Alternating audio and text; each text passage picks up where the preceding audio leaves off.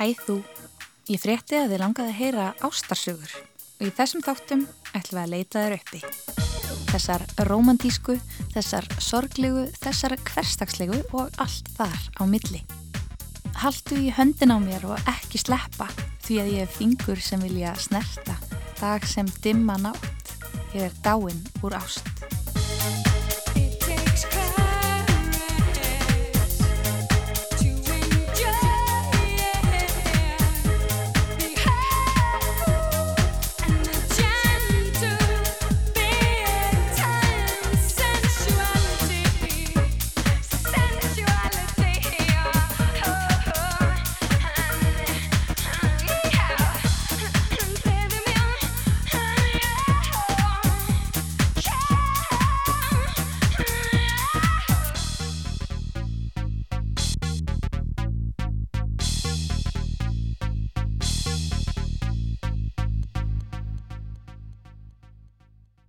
Þeir segja að góðir hlutir gerist hægt. Personlega er ég almennt lind við að fara um gleðinar dyr á léttu skokki, en það er vissulega komið mér um koll oftar en einu sinni. Þeir Árni og Leifur, hetjur næstu sögu, tóku sér langt tilhlaup, tíu ára tilhlaup, en svo mættust þeir á harðaspretti. Hlustum á Árna. Það eru nokkuð mörg ár síðan að við leifurinn hittumst að kynnumst fyrst. Við hefum verið í örgulega meirinn áratöga eitthvað, uh, svolítið svona sikkurum endanum í sama vinahopnum en líka svona alveg ótrúleustu vini sem við hefum sameigilega hittu þetta og höfum alveg þekkt hvort annan allan annan tíma en aldrei nýttur óslulega vel. Leifurins er pínu svona introvert á köplum sko á meðan að mikil hluti af þessum samölu vinnum okkar eru rosalega skellibjöllur og, og fyrirferðarmiklar og, og svona sko þannig að þá að við höfum verið kannski hitta sömu vinnina þá hef, hafa þessar skellibjöllur svolítið tekið yfir svæði sko þannig að maður tók ekki þannig séð meira eftir honum heldur en að þú veist þetta er bara leifur, hann er æðislegur og hérna frábær og, og pældi ekkert meiri því og kynntist honum aldrei einu svona kannski djúbulefili. Svo reyndar hef ég oft grínast með það núna að hérna, ég hef síðustu ár tekið uh, svo kallar djamsögugöngu fyrir hins einn dag þar sem að ég raun reg mig uh, frá Hlemmi og uh, niður á Hotel Borg og reg svolítið svona sögu skemmtistaðar sem að hins einn fólk hefur verið að sækja eða hafa verið dedicated hins einn skemmtistaðir í gegnum tíðina. Og ég hef alltaf verið með svona aðstofmann með mér sem að þú veist er að bera bjórin og skotin og svona að því það er svona veldum stoppum verið aðeins að uh, sjúsa sig á meðan að fólkið þarf að hlusta á mig röfla. Og núna síðast að þá var hann aðstofamæður minn sem sjálfbúðaliði hjá, hjá hinsendu um Reykjavík. Og ég hef svolítið stríktunum á því að þá hafa hann sko síð hvað ég væri aðeinslega klár og þá hafa hann orðið sko brjálega slagastongin af mér en, en hann svo sem þræti fyrir það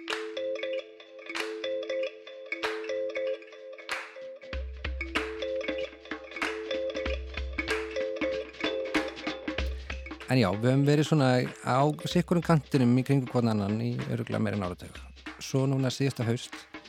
að þá voru sammeiljar vinkunum okkar að gifta sig.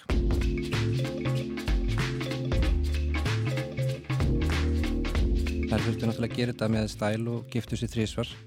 og eitt af brúðköpunum var sagt, út á Ítalíu og þær buðu 50 eh, nánustu vinum og fjölskyldu að koma með sér í svona ævintýraferð til Ítalíu þar sem við fórum til Rómar og, og Napoli og svo endur við í Positano sem er kvöldfallegur ítalskur strandbær. Og við leiði vorum báðir í þeim hópi sem var bóðið og fórum þarna í þessa vikuferð. Og það var kannski svona svolítið, mætti segja að stjórnunar hafi svolítið verið að ræða sér upp úti. Svo erum við úti í Napoli og þá fer hlutahopnum út að skemta sér eitt kvöldið og við erum báðir svona frekar ófeimnir við að skralla og skemta okkur og svona og, og allt innu föttu við það svona undir, undir logkvöldsins að, að við vorum bara tveir eftir. Og ég ákvaði að vera og að herra maður að því að við vorum ekki gista á nákvæmlega sama stað, þetta var hófnum að skipta upp í nokkar stórir íbúður og uh, ég ákvaði að vera herra maður og, og fylgja honum sérstaklega heim. Nema þá hafði enninn stjarnan kannski ræða sér í rétta rauð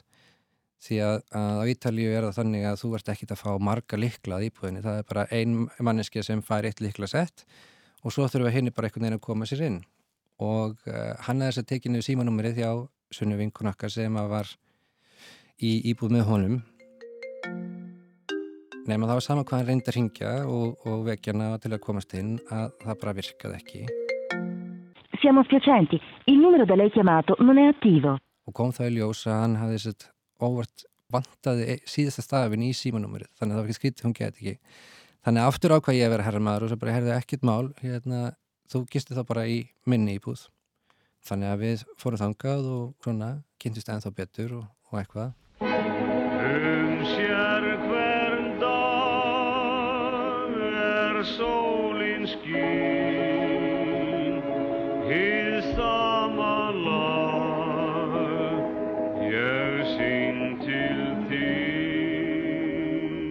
Svo bara eins og Íslendingum svolítið sæmir, daginn eftir þá bara letum við eins og ekkert væri og rættum þetta ekkert meir. Meðan á sólin hlær og hinn ilmandi blær ástinn ljúa Ég hef búin að vera einleipur uh, mjög lengi og var einhvern veginn komið bara á þann stað að vera bara svolítið svona come what may eins og segir í læginu. En enga síður bara opinn fyrir því og, og opinn fyrir öllu og, og einhvern veginn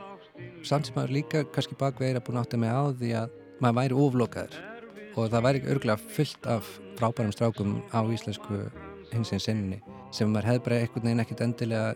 pælt í sko. Þegar allt verður hljótt, þegar enn kemur nótt ástinn ljúf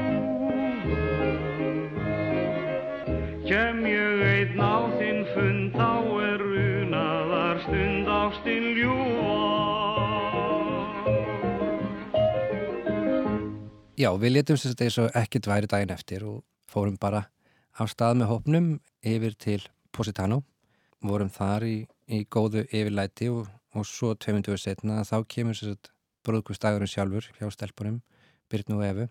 Og æðislegur dagur, óbúslega fallega aðtöfn, allir gjössamlega sko með tárin og, horið leggandi allan daginn af hvað mikil ástofegurði í loftinu og ef fólk vil ímynda sér þá er þetta svona fjallabæra í Ítalíu við strönd, öll húsin svona línuð upp, öll opuslega falleg engar götur eiginlega heldur bara stegar og tröppur á milli húsa á gatna sem við horfum út á hafið og þessi opuslega fallega aðtöfn og svo veislan á eftir í rísa villu, ítalskri e, villu. Þá svona e, þegar að aðeins fór að slakna á herðunum og, og stípninni sko þeir búið að veita manni vel af mat og í talunum um drikk að þá fórum við svona aftur að renna kannski svolítið hýru auga uh, hvort til annars. Og fórum svona, svo kannski svolítið kjánandi segja frá því að við fórum svona að laum okkur í svona skúmaskott og bakvið trí og eitthvað svona aðeins að kissast og, og, og nálgast hvort annan sko. Og vildum alls ekki samt að fólk tæki eftir því að vissi af því þetta var náttúrulega dagur brúðhjónana og við vildum ekki verða endilega kannski heitast að slúðrið í brúðkursveislunni þannig að við vorum þess vegna svolítið að, fel okkur og lefa þeim að eiga daginn en, og, og þess vegna gerum þetta en, en eins og kannski vil gerast þegar að maður er búin að fá sér áfengi að þá fer maður svona til að líða frá kvöldið aðeins að dadra við neðri grindamörkin. Það var eitt staður sem vorum alltaf svona hittast á í laumi en þá var það sko sítrunumtré og fyrir þá sem ekki viti hvernig sítrunumtré er þá eru þau bólurinn svo mjór, hann er eiginlega bara stöng og svo er bara svona kúla efst, löfþyknis kúla sem var akkurat í höfuð hæðið hjá okkur. Þannig að okkur fannst við vera algjörlega faldir en, en það var í raun engin bólur eða, eða neitt sem að falda okkur sko. Það er svona að byrja þetta aftur og af, af er svona meiri alvöru sko reyndar daginn eftir, bara strax um morgunin eftir brúkusveisluna að þá rauki ég á stað í flug að því ég hafði, sett, var að fljúa yfir til Belfast og var að fara að hitta vinvinn þar og við vorum sett á leðinni á sér tónleika við pöntum einum miða mikið þegar við pöntum þannig ég átti að auka miða á þessa tónleika. og ég gerði þau reygin mistök að ég nefndi það við held ég flesta í ferðinni ef ykkur vildi breyta ferðarplönum og koma með til Belfast og fá miða á sér tónleika þá verði það bara algjörlega velkomið annars væri hann bara í ruslið. En ég glemdi að nefna það við Leif og ég fæ að heyra það mjög reglulega og hann má ekki heyra eins og sérlag spilað án þess að minnast á þetta hvað ég hefði bóðið öllum nema honum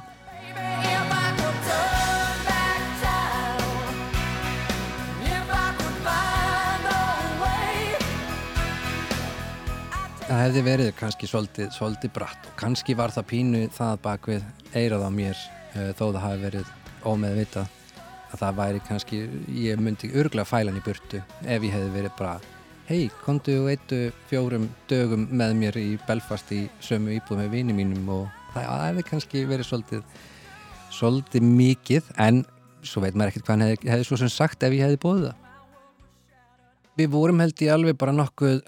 skotnir svona strax í byrjun og svo ég kannski tali mest fyrir sjálf á mig, já það var svona strax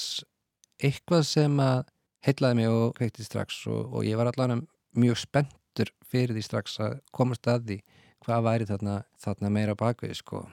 Ég held að, að svona fyririldin hafi svona fljótlega þegar við vorum búin að tengjast farið að fljóra sko. Þetta friendzone svo kallað þegar þá er það einmitt þetta að, að þá er, er maður einmitt að friendzona mannesku eða svo maður noti betri íslensku færa mannesku yfir í vina hlutan og vina holfið í hjartanu. Og það gerist kannski einmitt þegar, þegar byrjunin er þannig að, að það er verið að velta fyrir sér og, og spá í mannesku en eins og í okkar tilfelli að þá var einhvern veginn bara örlegin eða aðstæðunar eða hvað maður á að segja sem að í raun höfðu bara alltaf gemt hvern annan í svona kunningja holfinu frekar heldur en eitthvað annað sko. og hver veit ef að einhvern tíman eitthvað hefði gerst á þessum áratögu eða hvað sem það var þá væri við kannski ekkit endilega hér í dag. Ég er eins og kem þannig heim uh, nokkru dögum á eftir honum uh, ákvæðum fljótlega að, að hittast í drikk og spjall. Upp frá því kvöldi þá fór boltin bara svolítið að rulla svolítið hratt og uh, við fórum að vera mjög mikið saman og svo núna á vormánuðum þá náttúrulega kemur COVID og við lendum báður í sótkví og ákveðum að vera saman í sótkví eh, sem að hefði geta verið kannski svolítið sambandsharakýri og gert út um sambandið en á þessum tímapunkti við vorum búin að vera mjög mikið saman, mjög nánir þetta lengi þannig að það var kannski í ákveð tækifæri fólkið í því að sjá hversu raunverulega vel við ættum saman. Ég myndi segja að við höfum bara ættum skil að fá fyrstu engun fyrir það að vera fastir saman í lítill íbúði miðbænum. 24-7 þurfa að setjast saman yfir þú veist, heimkaup.is að velja í matinn og, og pantin og fá sendt og gera okkur dagamun með því að panta smörrebröð frá jónfrúni og, og eitthvað svona hérna dæmi. Og það gekk í raun bara alveg ótrúlega vel og það var eiginlega svona svolítið upp úr því að við fórum að, að tala saman um það að að það væri kannski óþarfi að hann væri basically að leia fattaskáp út í bæ þegar það væri meir og minna bara búin að vera og sennilega yrði eftir þetta inn á mínu heimili. Núna er hann fluttur inn til mín og, og við erum búin að taka okkur hund ferfættan eldri borgara það er stundum verið að grínast með það sko að lesbíunar séu svo svakalega snöggar að þessu að þessi valla komnar af fyrsta deitinu þegar það byrjar að pakka niður og, og vilja fluttingabílinn og leita sæðiskjöfum en það var kannski þessar aðstæðir sem svolítið svona hrindi þessu á stað. Allt í hennu eru við orðið svona hins einn vísitölu fjölskylda bara aður maður veit af. Þetta er orðið svona held í lítilsætt kjarnar fjölskylda þarna í miðbænum sem deilir og sko, skildum gagvart einhverjum, ekki bara gagvart hverju öðrum. Og það er líka svolítið skemmtileg prófrun að vera með eitt ekki gálan hund sem þarf að passa að gefa hjartalefin sín og passa að fara út að ganga með en ekki á langt og ekki á stutt. Og þetta er svona, já hefur held ég bara fært okkur nær hverju öðrum.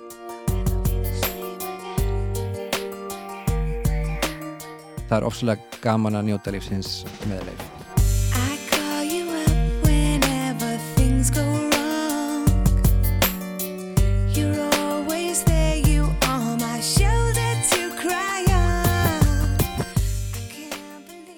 Þú varst að hlusta á hlaðvarpsútgáfuna af útvarpsþættinum Ástarsögur á rás 1.